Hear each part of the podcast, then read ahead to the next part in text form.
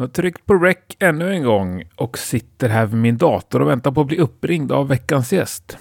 Eh, väldigt spännande ska det bli. En basist eh, dagen till ära som jag har snackat mycket med genom åren. Eh, både om basism och eh, att få till ett avsnitt. Och eh, idag så får vi till ett avsnitt och så får vi väl kanske se till att prata lite mer basism också då. Uh, för han är duktig på det tycker jag. Sean Genus kallar han sig, eller Gene Genus. Jag är inte helt säker på det där, hur han vill att det uttalas. Det kanske är det första jag ska fråga honom. Om en minut ska han ringa upp om han är punktlig. Häng med! Så lovar jag att klippa ner den här uh, pausen sen. Till er som väntar. Under tiden kan vi passa på att tacka alla Patreons. Shit vad ni är härliga. Utan er så hade inte Rockpodden funnits kvar. Eh, det tycker jag alla ni som inte är Patreons ska ta och tänka på. Kan ni skänka en eh, pil av tacksamhet ut i det okända. Eh, stort tack såklart också till er som swishar. Jag är dålig på att tacka er tillbaka eftersom man inte kan chatta riktigt i Swish-appen. Men ni ska veta att det värmer i hjärtat varenda gång det där lilla eh, klirret klirrar i min mobil. Ska vi snacka något mer när vi ändå sitter här och väntar? Ja, vi kan snacka lite om eh, den här eh, säsongen. Våren eh, 2021. En, jävla, en himla trevlig säsong tycker jag. Den tionde säsongen var det ju. Eh, Det känns som att vi har haft en bra blandning på gäster va? Börja med Adde Moon där i januari. Ja, han har gått vidare eh, genom en hel rad kända och mindre kända personer. Eh, och jag har några riktigt spännande avsnitt eh, kvar här. Det är ju en fem, sex, sju avsnitt kvar kanske innan vi tar ett litet sommaruppehåll. Ett avsnitt är det kvar. Det är inte riktigt bestämt än vad som kommer hända. Men de andra är bokade. Och eh, känns jävligt spännande. Förhoppningsvis kommer de bli riktigt, riktigt bra. Mest lyssnade avsnittet den här säsongen hittills, det är det avsnitt som heter Till minne av LG Petrov. Det var väl också det som var absolut eh, svårast att göra på många sätt. Samtidigt som det var en otroligt fin stund, kommer jag ihåg, när vi satt och spelade in det där. Det är nog en kväll som jag kommer bära med mig. Ja, kanske inte för evigt, men för lång, lång tid framöver i alla fall. Eh, otroligt tacksam över att eh, LGs kompisar och kollegor ställde upp på det snacket. Och eh, fantastiskt tacksam till Biffen som faktiskt styrde ihop det där. Biffen kan vi inte nog tacka.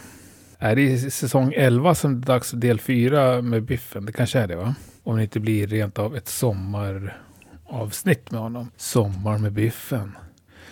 Då gör jag mig redo här genom att säga du lyssnar på Rockpodden avsnitt 231. Sean Genus är veckans gäst. Jag heter Henke Branderyd och jag önskar dig en god lyssning. Där, nu är, den på rec. Du, hur presenterar du dig? Eh, Gene. G Genus. Gene Genus. Jag har pratat med lyssnarna här i väntan på att du skulle ringa upp. För många säger ju Sean Genius. Ja, jag vet. Mm. Det gjorde jag också i början, kan jag säga. Men det är mycket coolare med Gene Genus. Ja, jag tycker också det. Så Ja. jag valde det till slut. Ja men vad bra, då kör vi på det så säger jag som jag brukar. Gene Genus, varmt välkommen till Rockpodden. Tack så hemskt mycket. Mycket Mm. roligt. Hur står det till i Värmland? Det är bra. Det är mycket bra. Jag Ja. försöker hålla mig sysselsatt. Fan vad fint. Ja. Ja, du flippar ju upp i mitt flöde ibland i alla fall med lite musik, eh, lite musikrelaterade grejer. Ja, jag försöker hålla, hålla igång på något sätt. För vi gör inte jättemycket med Hank just nu. Det är lite Nej. små grejer fram och tillbaka. Men på något sätt har det blivit ett ypperligt tillfälle att ja, hålla kontakten med alla andra man har träffat under tiden man har turnerat och lite sådär. Så. Mm. Ja, men ska vi börja den änden? För du har gjort jävla, framförallt med så coola människor tycker jag. Ja, jag med. jag blev väldigt förvånad vad lätt det var att få med alla. Så. Jag, jag blev ju så brutalt avundsjuk när du la ut någonting där du lirade ihop med Charlie Benante från Anthrax. Ja, och då blev jag också lite såhär när han kom med i bilden. För det var inte tanken från början faktiskt. Att han skulle spela trummor på den. Var det inte. Det var faktiskt Mickey. Det var första grejen vi tänkte att Mickey D skulle göra med oss. Det Mm. medlet. Men eh, Mickey tyckte att det var alldeles för mycket jobb och för, för krångligt att köra medley på massa låtar. Jaha, blir man så öva då? Ja, precis. Det, var, Ja. det blev jobbigt helt plötsligt. Nej, och då var Dave från Sum 41, han bara ja, men jag tror jag vet den. Jag ska kolla lite ifall han är sugen. Och så textar han. Nej, men Benante är på liksom. Jag bara fan, det är helt sjukt. Så jävla coolt. ja, ja, visst. Men var det där din grej från början? Var det du som sådde fröet så att säga? Ja, var det. Och det var liksom ja, lite på vinst och förlust. Det var när första tristessen kom. Att Mm. man märker att det händer liksom ingenting. Och då eh, började jag bara löst snacka med Dave på Instagram liksom. Mm. Där. Och han... Det var ju samma sak för han. Han, han hade inte ens tänkt tanken än. Och då började vi snacka med Danko och sen så kastade vi in Mickey redan då faktiskt i mixen. Nej, och det var ju bara att ut och köra. Och sen så Mm. började vi med medlet då. På, ja, med Charlie Benante, Danko, jag och Dave. Ja, just det. Och så vet du det, Tom från Sum 41 också var ju med och solade lite. Ja, nej, det är ju Ja. skitkul grej liksom. Ja, och det, det var också himla trevligt. Med massa, ja men så här Judas Priest och Maiden och Motörhead va? Ja, precis.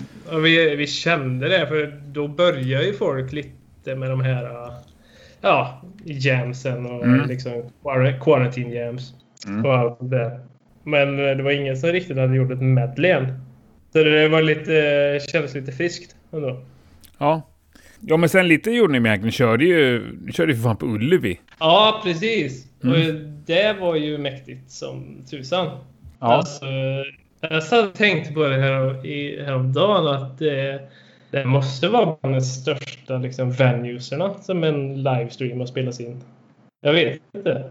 Dropkick Murphys gjorde ju någonting på, vad heter det här, uh, baseballstadiumet som är så jäkla stort. Men det är inte större än Ullevi, för Ullevi är ju gigantiskt alltså. Ja, men eh, Thunder Mother körde ju på Olympiastadion i Berlin förra veckan. Just det, precis. Det är väl kanske ett snäpp mäktigare än... Ja, faktiskt. Och Ja. Alltså, Guernica har ju... Hon går från stadion till stadion. Hon ju Ja, hon var med på. Ullevi också. Ja, precis. Ja. Så Ja, kaxigt ändå. Hon är ju gjord för stadions tycker jag. Ja, det är hon. Riktigt Ja. cool tjej alltså. Härligt. Men har ni inte gjort något annat med Hank sen Ullevi? Vad händer?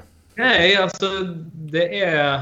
Det är nog den sista liksom, stora grejen vi gjorde. Sen, det var ju releasedag för förra plattan också, Dead. Ja, just Och tyvärr, det, alltså, det är ju många album som har drabbats. Alltså det bara passerar. Det känns som att man kastar ut det i ja, tomma intet nästan. Ja, hinner nästan göra till innan det här är över. Mm, precis. Och det är ju lite det vi siktar på också. Att vi, visst, vi skriver ju musik från alla hörn liksom, av bandet. Mm. Så, men vi har inte liksom något planerat. Hoppas väl att vi ska få till någonting i närtid. Mm. Så vi får ut något nytt. Hank von Hell ska vi säga till de som inte är helt inne på... Precis. Eh. Denna man. Ja, denna man ja. Han har ju... Ja, det är väl lite tack vare dig jag hört bakvägar. Att det här ens såddes, det här fröet. är det inte så?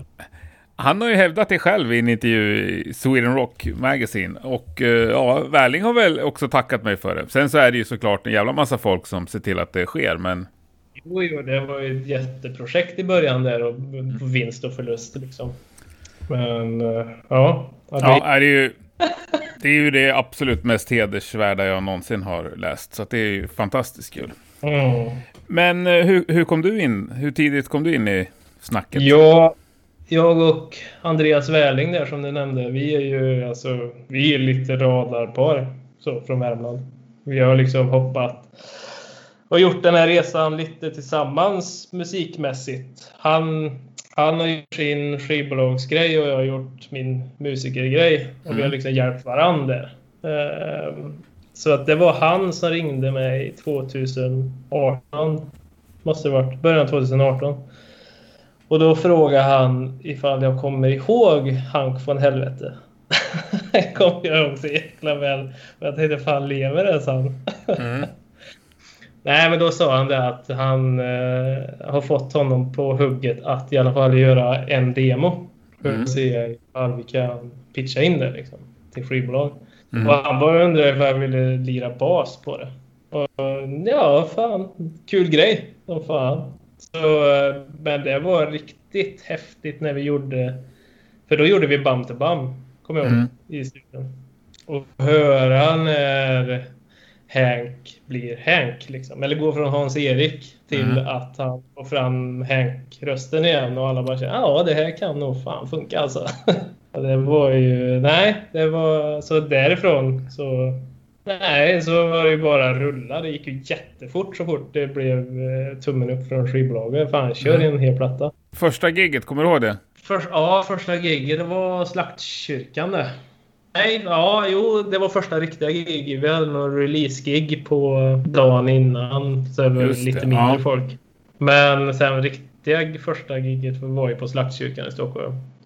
Och det var ju lite overkligt. För alla hade gått lite på tå där och att man vet inte vad det kommer floppa inte. För jag tror vi släppte, ja, vi släppte skivan samma dag som vi spelade. Och eh, han har ju varit borta, hade, eller hade varit borta så himla länge. Så att det var, man hade ingen aning om ens hans gamla fans komma och sådana saker. Men det var ju, jag kommer ihåg Slaktkyrkan för då hade vi full produktion med pyro och grejer. Och det var ju mayhem deluxe. Speciellt när vi tryckte in de gamla Turbonegro-låtarna Ja. mot slutet. Det, eh, ja, det var ju... Ja, det var Slaktkyrkan. Ja, underbart. Men, för, men det var någon vecka innan där som den där videon med Steve-O hade kommit. Liksom, när det Någon vecka eller två. Ja. Ja. precis. För de var rätt duktiga på att hålla det rätt hemligt fram tills den videon släpptes. Ja. Jag kommer ihåg att de delade ut pins på Sweden Rock den sommaren. eh, Med liksom det så här, låttext från Bam till Bam. Och delade ut någon hatt var det på. För liksom så ett frö. Det är en hatt och så står det Sniffing Glue Eating Caviar på. Precis, just det. ja. Sitter fortfarande kvar på en så här tygjacka jag har. Jävla ballt. Ja. Det, så det gjorde de ju skitbra. Det, jag tror ja, musikvideon spelade vi in i augusti till Bam till Bam. Och det var ju...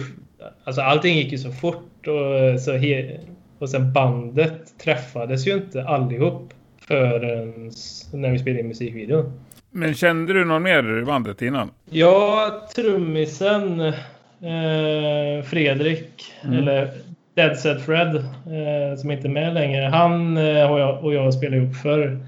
Så han plockade jag med mig när jag började. Mm. Eh, och sen katten hade jag träffat några gånger bara. Så, men annars som eh, Major Sam, han är inte heller med längre, Simon. Han, eh, han plockade ju Hank med sig. Från Norge. Ja, just det. Men eh, ja, det har ju varit lite rullians. Jag är sista, sista originalmedlemmen. Så Ja, just det. Det är bara du och Hank kvar nu. ja, precis. Ja. Ja, men så ska det väl vara i ett eh, riktigt band. Ja, men vad fan. För det är inte så länge sedan. Jag har ändå hunnit med skitmycket. USA-turné och liksom två plattor och...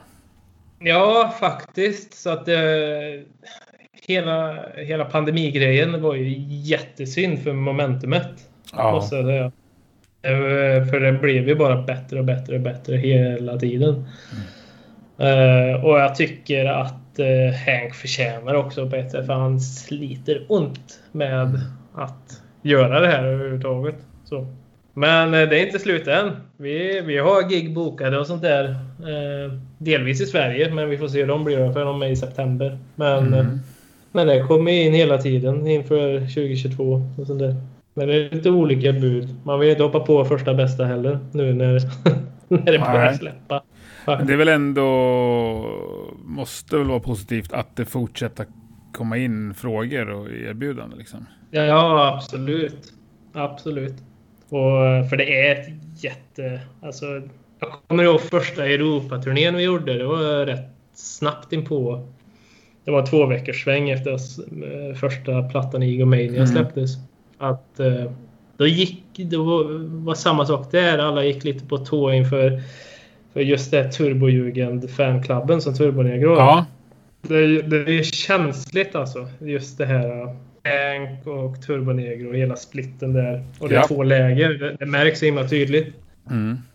man såg ju på varenda gig liksom. Eh, kommer ihåg första giget var nog i München eller något sånt där. Och då står de längst bak med armarna i kors och bara tittar i alla turbohjulen. Man ser de här jeansjackorna. Mm.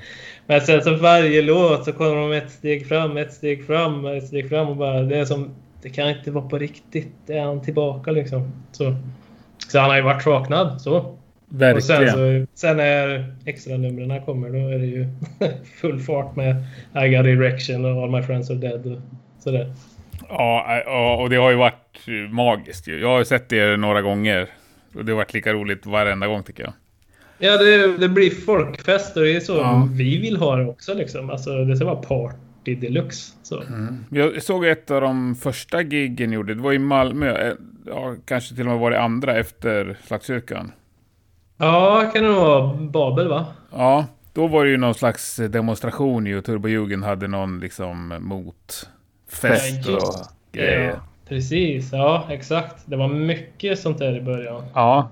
Men det där, jag vet inte, det var nog nyhetens behag. Så att... Eh, nej men det är så, himla starka viljor om vad som är rätt. Liksom. Mm. Turbonegro och Hank. Vad, vad är på riktigt och inte. Jo, men, men det... alla de där banden som splittras och så finns det liksom två fraktioner och man ska säga liksom originalmedlemmarna går åt olika håll. Det blir ju nästan alltid någon slags schism och uh, fansen ska välja sida sådär. Ja, precis. Och det är synd kan jag tycka, för jag tycker ju Turbonegro är ett så fantastiskt bra band. Mm. Så att det är liksom, jag känner mig hedrad när jag spelar med Hank. Liksom, mm. på när vi kör live Och nej, förstår storheten i just de låtarna också.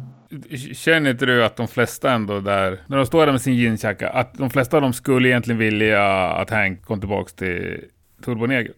Jo, det, det tror jag.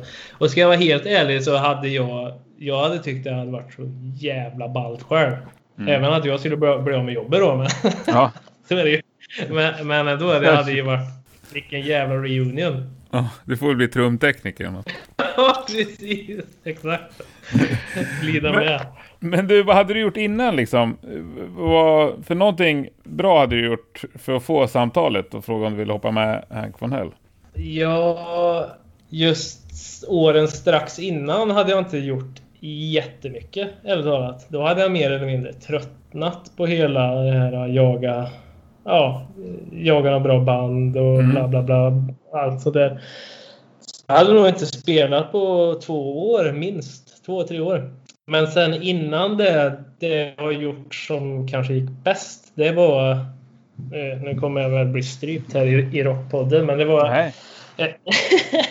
ett, eh, ett band som hette Early to Bed. Det är ett riktigt underground emo-rockband. Och vi släppte skivor i Asien och ja, ja, hit och dit. Och det gick jävligt bra. Vi, vi låg på Bad Taste Records tillsammans mm. med Danko Jones. Så vi delade manager med Danko, så det var vi och Danko de hanterade. Det här var 2010, tror jag. Det gick som bäst. Och nej, vi spelade ju eh, överallt. Men det, det var någon våg då liksom.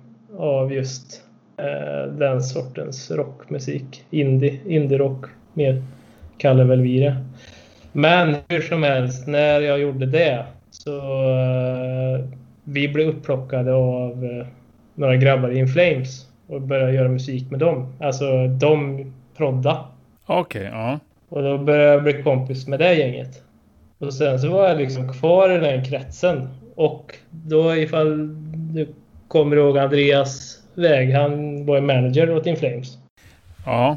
Så jag introducerade Andreas för Inflames. En gång ah, okay. Så att jag tror att det är lite mer return the favor. ja, det var ju en jävla schysst favor det gjorde han. Jag hittade lite grymma bilder här på Early to Bed. Ja, det var ju... Och men jag kommer inte ihåg när vi splittade riktigt, men den sångaren vi hade, han hette Ole Bang. Så här, riktig jävla pipa alltså. Uh, hans, alltså. Hans idol på den tiden var ju Sebastian Bach i mm. Skid Row. Så, han, så att vi gick ju över till lite mer 90-rock sådär. Ja, lite hit nästan. Erik Grönvall-stuk. Det flög liksom inte riktigt. Vilken är din bästa låt med Early to Bed? Då skulle du nog kunna ta Without You. Det var nog den som gick bäst.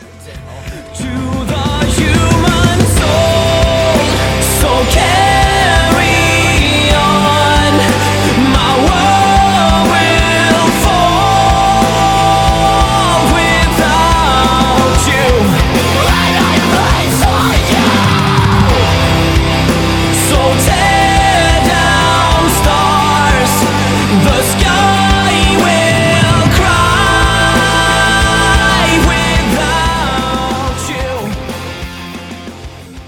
trevligt. Fick vi Mm. lite emo också. Lite syltuggar och grejer.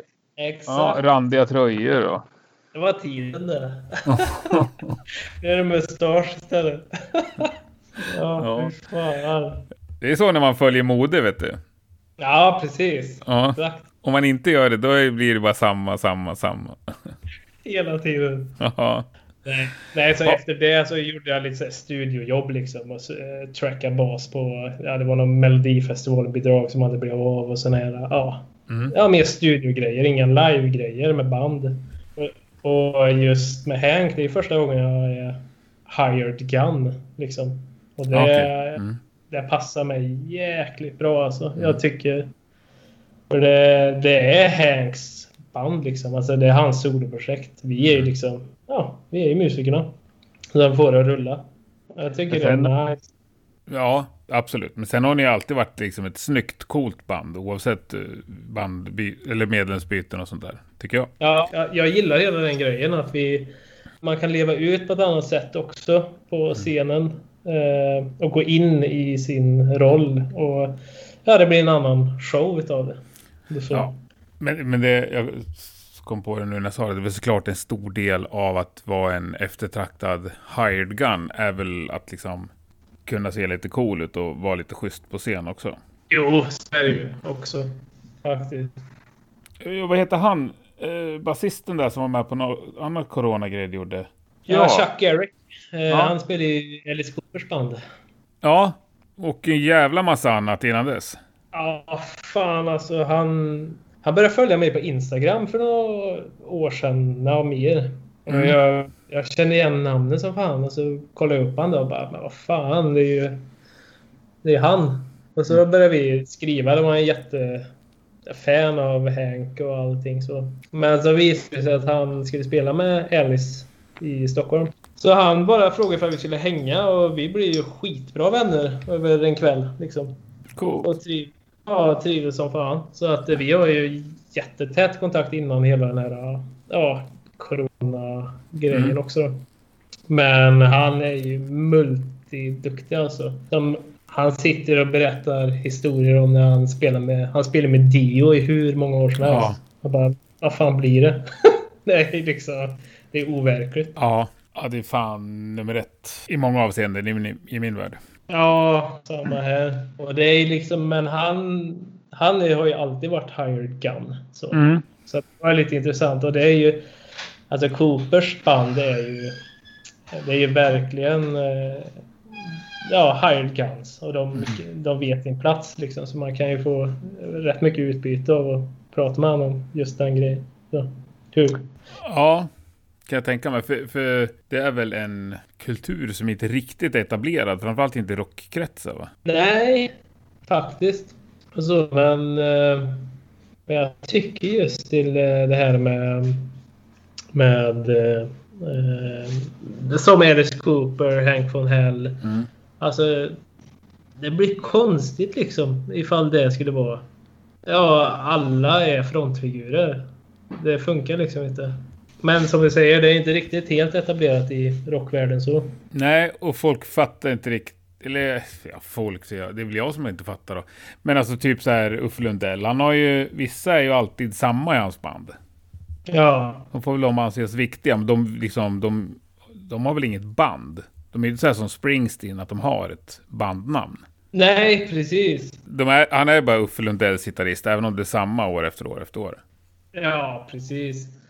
Och sen så visst, det kan ju vara en, en eh, konstellation med musiker som är liksom, de, är, de går in för att jobba med artister också då. Ja. Alltså, typ som bland det roligaste jag varit med om, kom på nu, på tal om bra band eller backingband. Det vi spelade på Kiruna-festivalen för några år sedan.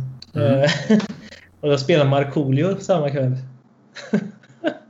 och hans band, det var ett jävla svänggäng kan jag tala om. Men så jävla duktiga musiker. Och de, är ju, de hoppar ju runt liksom. De, men ja. Är, och gör bara jävligt bra jobb för... Ja, nu ska vi göra de här giggen. Ja. Så. Men det, nej, det var... Och jag, jag får nog respekt för det, för då blir det mer istället för visst hela rock'n'roll-livet och ja, supa och det eh, sena fester och sådana här saker. Men jag tycker det är så jävla viktigt att göra bra jobb. Att vi gör, vi åker faktiskt för att leverera också varje kväll. Nej, men i, i, i, liksom i popsvängen så finns det väl mer ett, ett gäng musiker som jobbar, även om det är väldigt mycket samma, samma också. Det är en ytterst liten klick, tror jag, som, det, som lirar med liksom väldigt, väldigt många artister. Ja, ja, gud ja. Och det Ja. känns som det i popsvängen så är det ett visst gäng som kastas runt med så många fler också.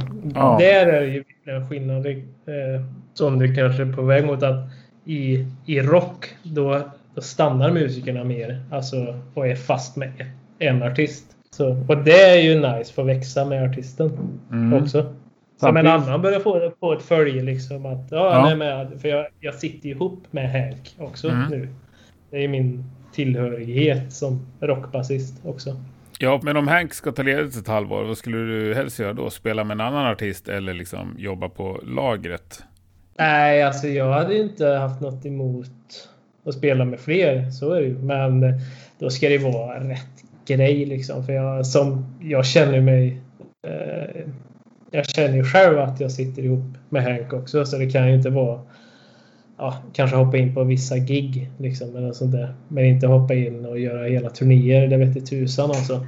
I så fall är det mer studiojobb som jag är intresserad av. Så, och det har ju varit en del nu också. Ja, det finns det fortfarande för en basist liksom. Ja då. Och det... Det blir så svårt att fejka. Alltså speciellt i rock. Där vill du nog ha en livebasist. Eh, än att programmera. Jo, det, det, det vill jag. Absolut. Jag vill ha live-trummor också, men liksom... Det är inte alltid jag får som jag vill. Nej, precis. Nej, jag förstår vad du menar. Och jag tycker ibland, det, det är så här... Det finns ju många gitarrister som ändå är skapliga på bas. Så, så då är det enklare att de gör det själv istället för att hålla på kontakterna och de kanske till och med behöver betala ett par hundra för det liksom. Ja, precis. Men det, ja, jag kan ju just det där med ifall en gitarrist ska spela bas. Alltså det, jag hör fan det alltså. Ja.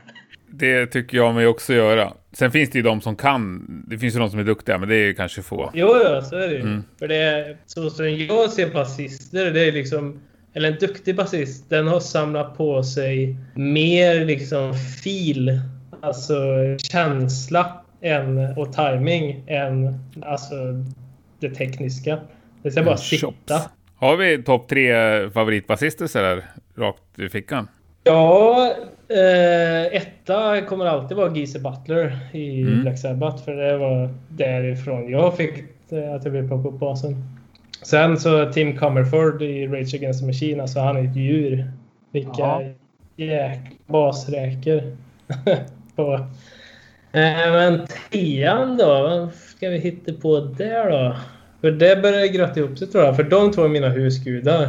Mm. Eh, Vi kan stanna och snacka lite om dem. Mm. Är inte Geezer Butler ändå underskattad? Jo, jätte. För Alltså- det är just det där att ha- han överspelar inte heller. Nej. Alltså, och jag, jag är ju...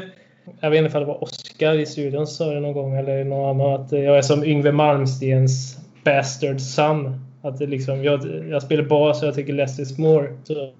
Mm. Men eh, basen ska ju fylla och sen så när den hittar liksom utrymmet. Då ska det gå lös liksom Ja. och hit, göra alla räkor. Men typ som John Myung i Dream Theater. Alltså, han är skitduktig men det är totalt ointressant för mig. Ja, men det är någon jävla cirkus liksom. Ja, precis. Nej, men jag tänker så här, så stor som Tony Iommi är. Jag, jag tyck, när jag lyssnar på gamla Sabbath, jag, jag hör ju liksom bara bas. Inte bara, men basen är så otroligt framträdande. Absolut. Och allt han gör liksom däremellan. Alltså det, han, han är väldigt mycket med i riffen med Ayomi, men det är liksom... Eh, det sitter där det ska sitta. Liksom, så man fortfarande har basdrivet i det. Så. Mm. Eh, riktigt... Ja, men det är som du säger, han är underskattad kan jag tycka. Det är nog inte många basister som säger så. Nej. Att, eh, de, att han är på topplistan. Nej, fast sen det kanske, det kanske är många basister som har det. Men jag tycker liksom mer rent... Eh, ja, han är ju som fortfarande ett... Ja, skitsamma. Det är kanske inte det största namnet i världen liksom. Nej, precis. Nej. Men sen är han, han har ju alltid varit lite lågmäld också. Jämfört med Ayomi och eh, Ossi. Ja. Så även Dean för den delen. Mm. Men du, han Comerford, är, mm.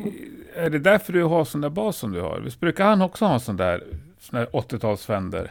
Ja. Eller drömmer jag nu? Nej, han har haft Han hade det mer förr. Nu kör han väl Ernie Ball Music Man tror jag. Okej, okay, ja. Men när han slog igenom, då hade han en sån där ful Fender som du också Ja, precis. Men har du sett vad som står på huvudet på min Fender? Jag har sett det. Eh, nu står det 'fuck you' på den. Jajamän.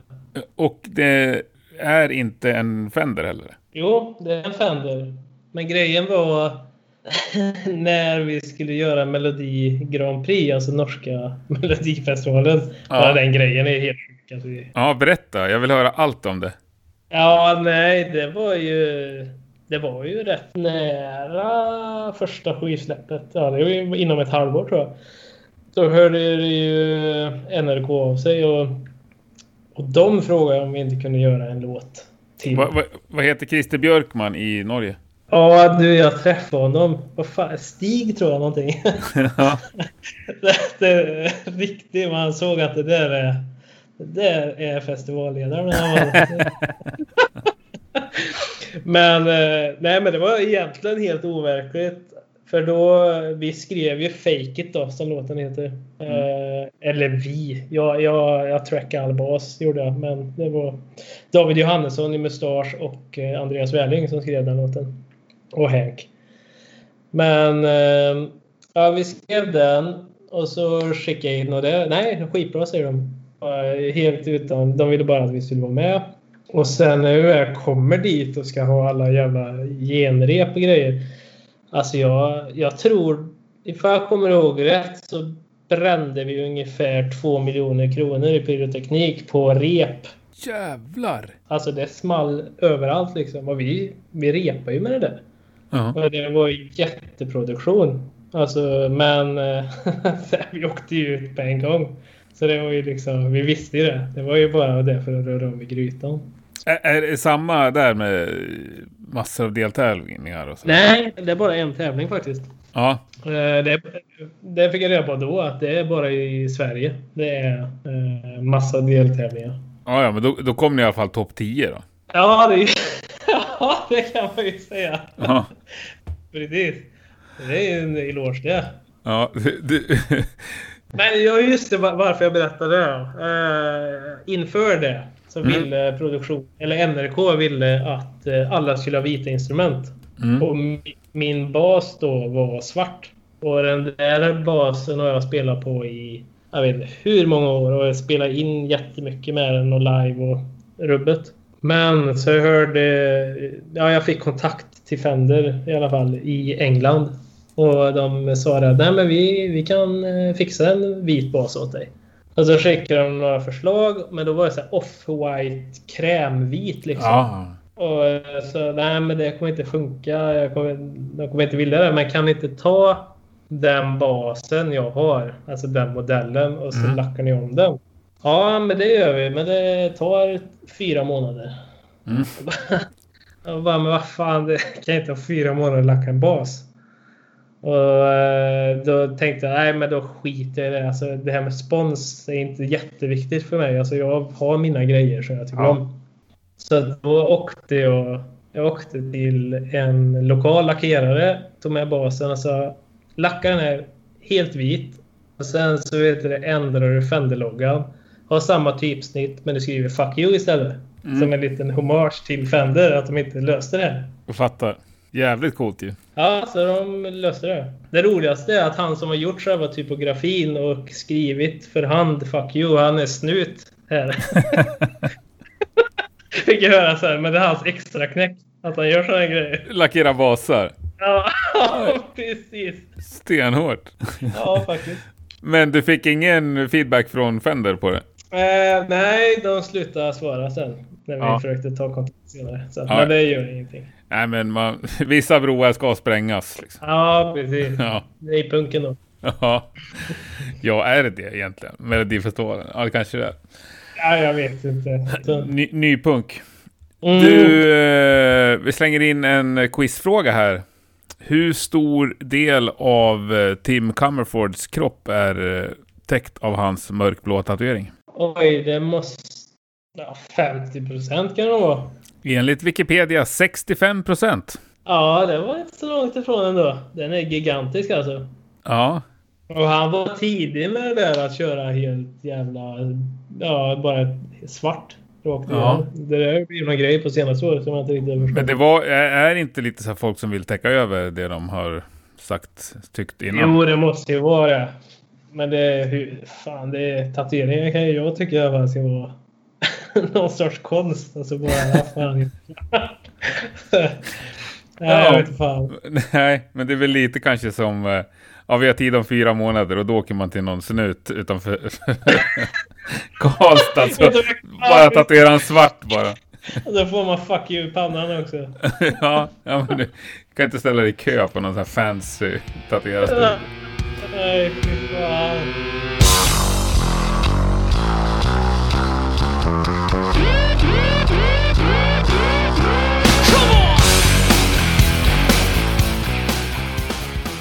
Just det, nu kommer jag ihåg. Fan, vi träffades första gången när du spelade in med Knogjärn. Med Ted. Ja, Just det, vi var ju ute och drack öl då. det var vi. Du var väl någon typ av ljustekniker eh, under Ja, extraordinär.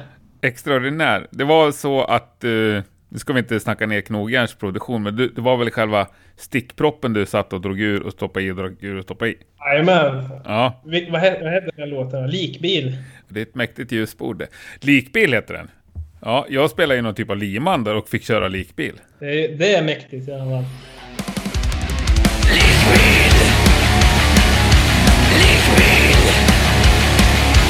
När du dör är det jag som kör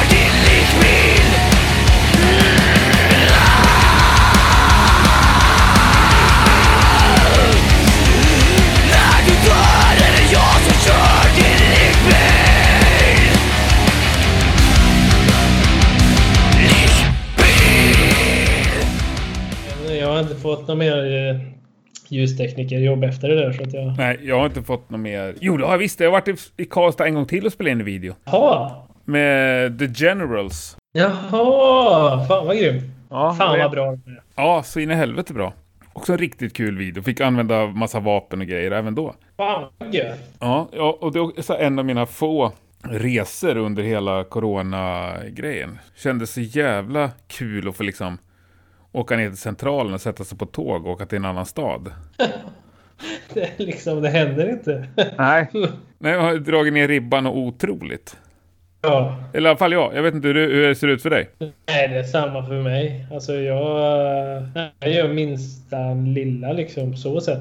Jag- Jag rör mig hemma och så åker till studion. Jag var iväg och tracka lite igår inför kommande låtar som vi ska släppa. Och sånt där. Men Med, annars nej. Eh, Den här gången blir det med jag och Dave från Sanford One. Alltså vi, vi är ju med på det mesta. Eh, sen är det trummisen är från ett kanadensiskt band som heter Monster Truck. Jag har inte hört talas om dem innan, men de var jävligt bra. Det är Dave Okej. som har satt upp. Mm. Och sen eh, på sång är det Anthony Green från Circa Survive. Känner ni till detta band? Nej, aldrig hört. Det måste du kolla för det är... På tal om det bandet jag var med i för länge sedan. Mm. Early to Bed. Eh, Circle Survive. Det är alltså riktigt progressiv indie. Men han har sån jävla röst den här Anthony. Säg bara namnet sakta en gång. Circa Survive. Ja, ah, ungefär överleva. Ja, precis. Mm. Exakt. Nej, det han ska sjunga och så blir det uh, Highway Star med Deep Purple. Åh! Oh! Så jävla gött. En av världens roligaste låtar att spela på bas också. Ja, jävlar vad jag fick spela igår kan jag säga. Ja. var, jag blev som ett barn igen. Shit vad roligt. Ja, den, där har vi en jävligt duktig basist alltså. Fy ja. fan. Men du, de här låtarna som ni gör, gör är det bara YouTube eller? Ja, precis. Jag har väl haft en tanke om att när jag väl får upp en hel del att försöka samla in dem liksom. Och släppa på Spotify eller något sånt där mm. senare. Men då i alla fall få upp en tio stycken. För vad är vi uppe i nu? Tre stycken. Men alltså vi har... Det, det är fem låtar som är i loopen till. Är det. Ja, men se, då har du ju snart en platta. Ja, jag märker det själv nu när jag tänkte efter. Mm. men det man kan ju tänka att det ska gå rätt fort ändå. Liksom, och, nej, men jag trackar här och så skickar dit och så vet du. Ja, det blir färdigt. Men det, det tar fan längre tid att sitta och vänta på alla. För Jess Margera från CKY har ju varit med nu. På, ja, just det. Han var, ja. han var med på Alice in Chains eh, covern. Mm. Och alltså, han är ju brutalt duktig alltså. Så eh, han, han kommer ju vara med på jättemånga låtar nu. Han är görtaggad på att spela vidare. Um, men han håller på och bygger... Han håller på att bygga upp sin studio som är i Castle Bam. Alltså Bam, han bror hans Bam. Ja. Han håller på, jag vet inte, det blir, han skickar lite bilder. Det blir någon jättestudio. Han har fått tag i Prince mixerbord från Paisley Park och såna grejer. så, också overkligt. Sitter hemma här i soffan i Karlstad och bara ja, ja, det blir bra. ja, det är skitbra att ha sådana här svinstora mixerbord. Så använder man en kanal bara som mastervolymen. Precis, exakt. Nej, så att det kommer ju bli så att men det som har att vänta nu det är ja, det blir Deep Purple, det blir Def Leppard, det blir Danzig. Ja just det, The Meters, har du hört om? Ja! Det kommer det bli också. Fantastisk eh, basist och trummis. Ja, ah, fan. George Porter Jr alltså. Oh, vad. Ja.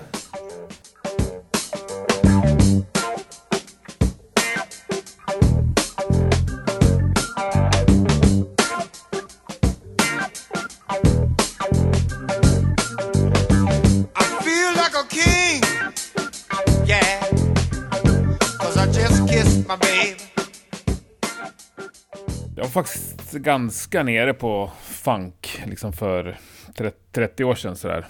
Ja, jag var där när jag började spela. Väldigt insnöad. Ja, men det, bli, det blev så för mig också. Så all sån musik med mycket bas, liksom tydlig bas. Och James Brown. Och, och sen är det så bra också så det går inte att värja sig.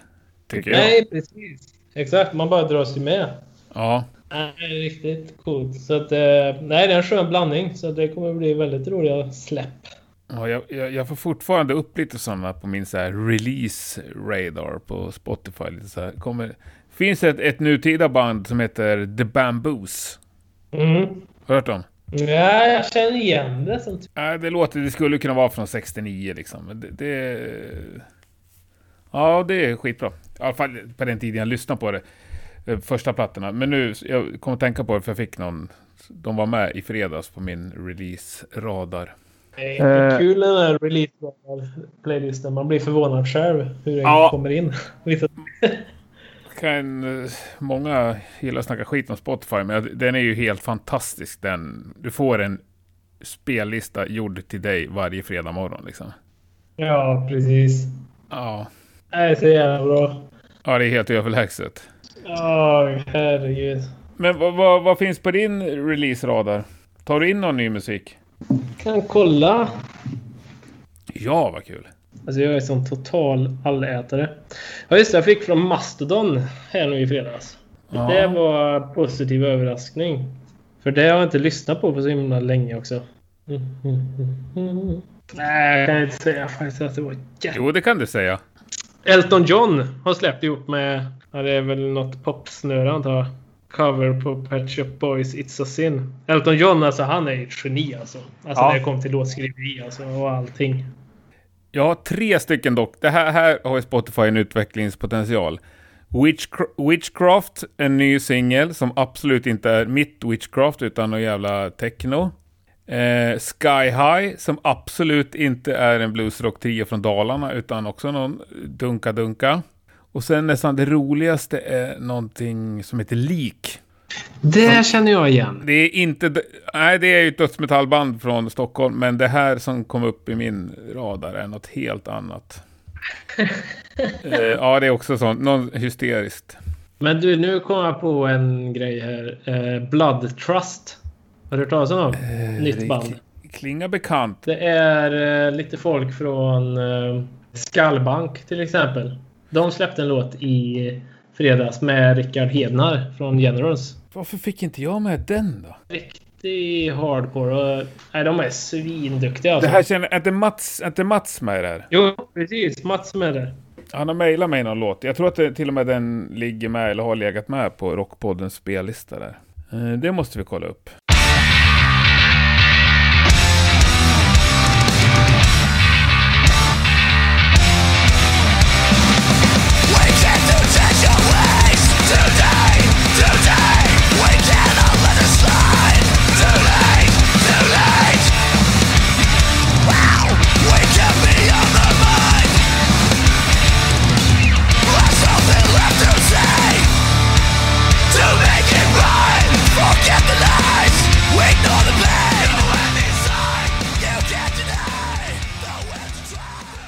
De satte ihop det bandet när, ja, under förra året när karantänerna liksom drog igång. Och så gjorde de en platta, liksom helt random gäng med Mats bland annat. Ja. En gammal Mats. kompis till mig. Karlstad Unite. Men du, gillar du, gillar du Kveletak?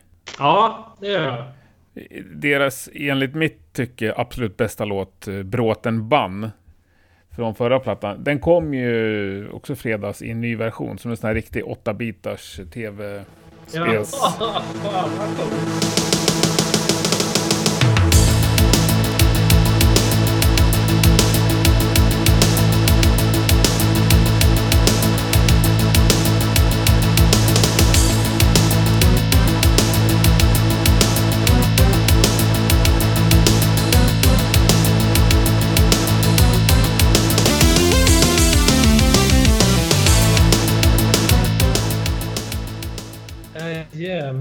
ballt. Vad fan att inte jag fick den då?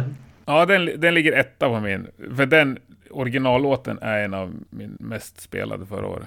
Men du, har du några nya artister du har tagit dig an då? Sista åren liksom? Du har lite större än i fredags. Nej, alltså som jag nämnde där, Blood Trust är ju Mm. alltså de är värda att uppmärksamma. De är riktigt, riktigt bra. Annars så. Alltså normalt sett brukar jag lyssna på väldigt mycket nytt. Men nu bara för att jag håller på med alla covers och grejer så har jag gått tillbaka himla mycket tiden. Och färskat upp mitt minne med Def Leppard och alla de här. Så. Men jag försöker se. Jag har inte någon smart lista som kan berätta detta för mig kanske. Har du inga roliga som varit ute och lirat med eller turnerat med som liksom du har börjat gilla Nej, alltså- på grund av det? För att de är sköna? Alltså, Skallbank, det är mitt favoritband. Vi har ju, de har ju varit med oss jättemycket. Alltså, de Ja. är så jävla roliga. Och jag och eh, Tomte där. vi, vi är ju ett. Han är ju småkär i mig, säger han. Är det Marius? Ja, Marius bror. Aha. Så, alltså, men nej, så de, de blir rätt roliga fester med. Måste jag säga. Sen har ju de varit eh, Rickard Fält som spelar. Ja, han spelar ju både i Generals och Skallbank.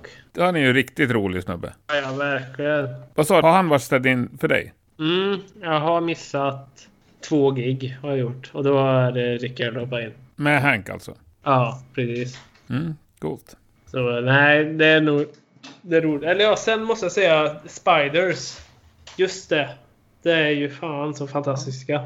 Göteborgsband. Har du koll på dem? Ja, ja, ja. Jag eh, kollade upp dem bara alltså för några dagar sedan. För jag vet att jag pratade med Ann-Sofia som sjunger för typ ett år sedan och då höll de ju på att spela in något nytt. Ja. Nej, de var var ju med oss i USA. Det var alltså fan. Just ja, det var de ja. Nej, det var fantastiskt. Men hela den USA-turnén var ju helt vrickad alltså. Det var... Men eh, vi, vi klarade oss igenom hela den. Så. Men det var väldigt ouppstyrt. Så. Med punk. Men var, var ni uppstyrda då? Ja, vi var uppstyrda och gjorde jävligt bra gig och sånt där. Men eh, hela eh, produktion och, och så vidare och så vidare. Det, det är ju mycket nerbantat, så är det ju. Eh, Mm. För vi kan inte dra med oss samma saker ända bort till USA. Kan du ge oss lite bilder av hur liten produktion det var? Ja, så liten så eh, att vi... eh, Ja, vad ska man säga? Pedalbord liksom på scen, det har vi normalt sett. Alltså pedalbord, inga extra ljus överhuvudtaget. Det var liksom klubbens ljus. Var det bra ljus på klubben, då använde vi dem. Annars så var det liksom... Vi använde ställets grejer, mer eller Mm. mindre. Så det var ju riktigt hardcore spelningar.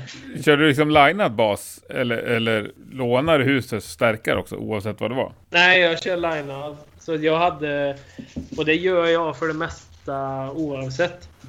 Så har jag en... Eh, eh, jag har ett pedalbord som är liksom förberett för att linea två kanoner ut. Så de kopierade det faktiskt och fixade och skeppade över till USA. Eh, hela det pedalbordet. Så Ja, det var faktiskt exakt samma. Och sen så gitarristerna använder sig av eh, pedalbord som linas ut också. Som Mm. är liksom förprogrammerat med alla ljud och allting. Så det är väldigt simpelt så för oss. Men ska man verkligen ha eh, pedaler när man spelar bas? Nej, alltså egentligen är det... Jag har en distpedal, kammare, en koruspedal. För det är två låtar som har det. Ja. Sen är det... Nej, sen är det en DI-box liksom. Som skickar ut allting Mm. i två kanaler. Eller splittar rubbet. Vad har du för dist? Jag kör Billy Sheehans EBS dist. Alla pedaler och stärkare jag har, det är bara EBS rakt igenom. Mm. De har varit så jävla grymma mot mig i alla år. Så ja, har fixat och trixat och sådär. Fan vad grymt. Ja, Ja, apropå basism, alltså Spiders. Han är också grym basist i Olle. ja men eh, Olle var eh, inte med på USA-turnén faktiskt. Aha. De hade, nej, de hade med sig en annan kille. Fan, nu skäms jag att jag inte kommer ihåg vad han hette bara för det. Åh gud. Men övermusikalisk han också kan jag säga. Han kunde spela rubbet. Han spelar brallorna av alla. Och så säger jag två äpplen hög. Dretball. Åh, vad heter han? Jag kommer komma på det efter det. Ja. Men, men som sagt, hela den turnén är en liten blur. Sådär. Men hur många gig hann ni med i USA? Vi var borta i fem veckor. Skapligt ändå. Och det var två dagar ledigt. Shit. Så det var hardcore deluxe. Mm. Och var det liksom van? Nej, det var turnébuss. Med um, en riktigt sur eh, eh, jänkare som körde runt oss. Mm. Så, Ron. Ja men då så, då är det inte så liten produktion. Alltså värre har jag hört talas om. Ja, ja, gud ja.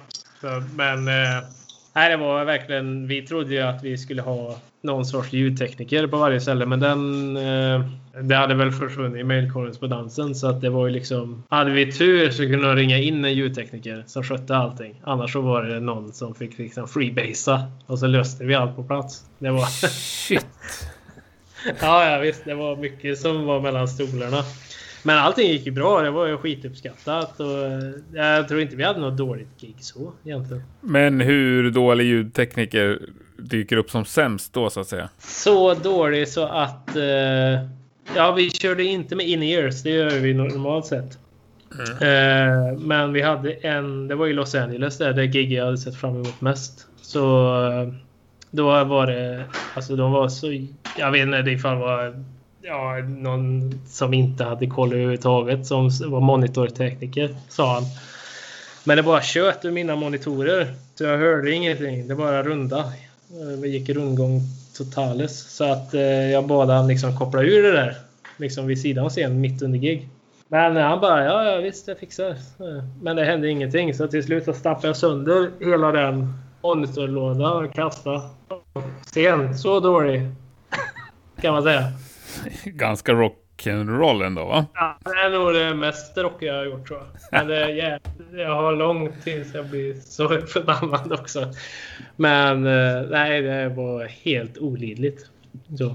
Men, men det var väl det sämsta. Men annars så, nej, det kunde vara någon bartender som ställde sig vid mixerbordet. Men det, på något sätt det blev punk och rockigt liksom. Och vi fick ihop det och ja, kunde inte hjälpa varandra lite i banden liksom? Jo, jo. Alltså, vi hade... Vi var ju med och rodda allihop liksom, på den turnén. Så. Annars så var vi med gitarrtekniker och sånt där. Men i det här fallet så vi fick ju samlad grupp fixa liksom så att det gick att genomföra allt. Hela. Ja, ja. Nej, jag fattar. Och Det är ju det är en annan kostnad om man ska ta, ta med en gitarrtekniker till USA liksom. Ja, precis. Och det, det var rätt viktigt. För första USA-turnén hade vi ju... Våra visum var inte färdiga. Eller jo, bandets visum var färdiga, men Hanks var inte färdigt. Så vi var tvungna att flytta fram hela den turnén. Så det var rätt viktigt att vi kom iväg den här gången och gjorde det överhuvudtaget. Men du, sa vi något datum här på nästa? Nej, det vågar jag inte säga heller. Men vi håller på med det, så i alla fall... Jag kan tänka mig inom en månad så är vi där i alla fall. Jävligt trevligt. Ja, det ska bli jävligt kul att släppa igen. För nu var det lite långt mellanrum. Då får vi se... Planerar att träffa Micke igen. Att vi ska spela in en Motorhead cover till. Får vi se. När har du nästa inbokade gig som du tror blir av? Ja, nu skäms jag nästan, men det är Sverigegiggen. För det är ju det att man har ju nästan slutat... Man lägger inte in det riktigt i kalendern för man vet inte vad det kommer bli av eller inte. Nej. Vilken jävla oreda sen när allting börjar bli av. ja, ja, visst. Men det var ju i september. Slutet av september. Och jag tror det, det är jag rätt säker på. Jag tror det är Berns som är första gig. Så, i Stockholm. Fan vad trevligt. Ja, det hade varit så jävla kul. Ja, men det, jag tycker att vi bestämmer att vi träffas där då. Det tycker jag också. Ja. Och bara njuter av att få spela igen. Ja, då får du ha hur högt du vill på scenen. Ingen ljudtekniker kommer gnälla. Yes! Jävla gött. Jävla antiklimax första giget. Någon skitsur ljudtekniker bara sänk basen på scenen. Du tappar all känsla direkt. Okej, Nej. ja. Då hade jag nog varit snäll ändå och låtit det bara för att få spela klart. ja. ja, underbart. Nej, men jag tycker vi, vi, vi bestämmer helt enkelt. Även om vi inte vet datumet. Vi kommer Ja. hålla oss underrättade. Mm. Sjukt kul att snacka lite med dig så här på... Samma, detsamma. Nej, men då säger jag tack för nu. Tack! Hej! Det var det. Tack Gene för en mycket, mycket trevlig pratstund. Eh, fortsätt nu att dyrka torsdagen och så har ni en fantastisk helg och en påföljande vecka. Så hoppas att vi ses eh, och hörs framförallt nästa vecka igen. För då smäller det en gång till. Ha det bäst. Tack och hej.